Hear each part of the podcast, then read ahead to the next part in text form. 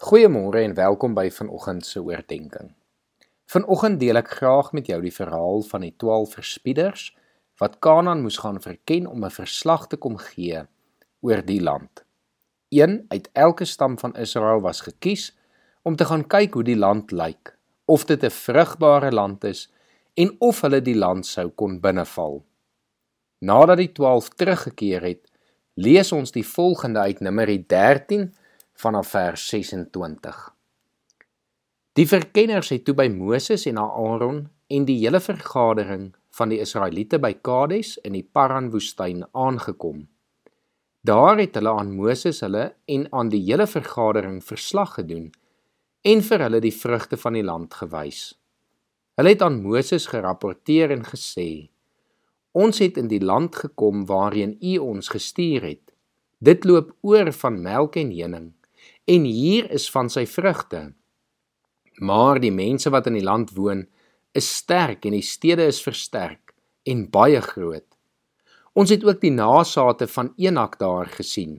Die Amalekiete woon in die suidland, die Hetiete, Jebusiete en Amorite in die bergwêreld en die Kanaaniete by die see en langs die Jordaan. Kaleb het egter die manne wat met Moses praat stil gemaak en gesê: Ons moet beslis optrek en die land in besit neem, want ons kan dit doen. Maar die manne wat saam met hom gegaan het, het gesê: Nee, ons kan nie teen daardie mense optrek nie, want hulle is sterker as ons.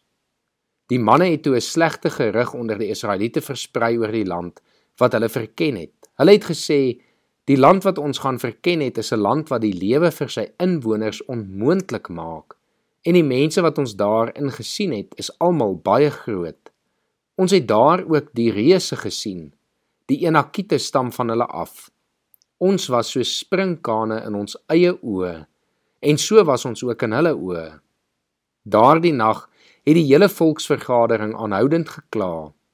Al die Israeliete was in verset teen Moses en Aaron en die hele vergadering het vir hulle gesê: As ons maar in Egipte of in hierdie woestyn gesterf het. Waarom het die Here ons na hierdie land toe gebring? Net om doodgemaak te word? Ons vrouens en kinders sal kruisgevangenes word. Is dit nie vir ons beter om na Egipte toe terug te gaan nie? Hulle het toe vir mekaar gesê: "Kom ons kies 'n leier en gaan terug Egipte toe." Moses en Aaron het toe voor die hele vergadering van Israeliete wat daar saam was op hulle knieë geval Ook het Josua, seun van Nun, en Caleb, seun van Jefina, manne wat saam die land verken het, hulle klere geskeur en vir die hele vergadering Israeliete gesê: Die land wat ons gaan verken het, is 'n buitengewoon goeie land. As die Here ons goedgesind is, sal hy ons na hierdie land toe bring en dit aan ons gee. 'n Land wat oorloop van melk en honing. Julle moet net nie teen die Here in opstand kom nie moet ook nie vir die mense van die land bang wees nie, want ons sal hulle maklik verslaan. Hulle gode sal hulle nie kan beskerm nie. Die Here is by ons. Moenie vir hulle bang wees nie. Maar die hele vergadering het gedreig om vir Josua en Caleb met klippe dood te gooi. Toe het die magtige teenwoordigheid van die Here by die tent van ontmoeting vir die Israeliete sigbaar geword. Die Here het vir Moses gesê: Hoe lank sal hierdie volk my almag bly onderskat? Hoe lank sal hulle weier om op my te vertrou ten spyte van al die wonders wat ek onder hulle gedoen het? Ons lees tot en met sover. Caleb en Joshua moes teen 'n meerderheid opstaan en teen die onreg praat wat ander reeds gepraat het. Hulle moes die leuns wat vertel was uitwys. Hulle moes vir hulle geloof opstaan en die volk opnuut leer om op die Here te vertrou. Beslis nie 'n maklike taak nie. Maar so moet ek en jy ook leer om elke dag wanneer daar negatief gepraat word, opnuut mense te herinner aan die God wat ons dien en wat hy alles kan doen.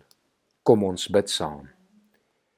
Here baie dankie vir hierdie verhaal van Joshua en Caleb wat op U vertrou het en na 'n land gekyk het en gesê dit is goed ten spyte van diegene wat nie dit gesien het nie en nie op U kon hoop en vertrou nie. Here mag ons in ons daaglikse lewens elke dag kies om U te vertrou, op U te bly hoop en om U te glo. Here, dankie vir U sorg in ons lewens. Here, help ons om dit ook aan ander oor te dra. Amen.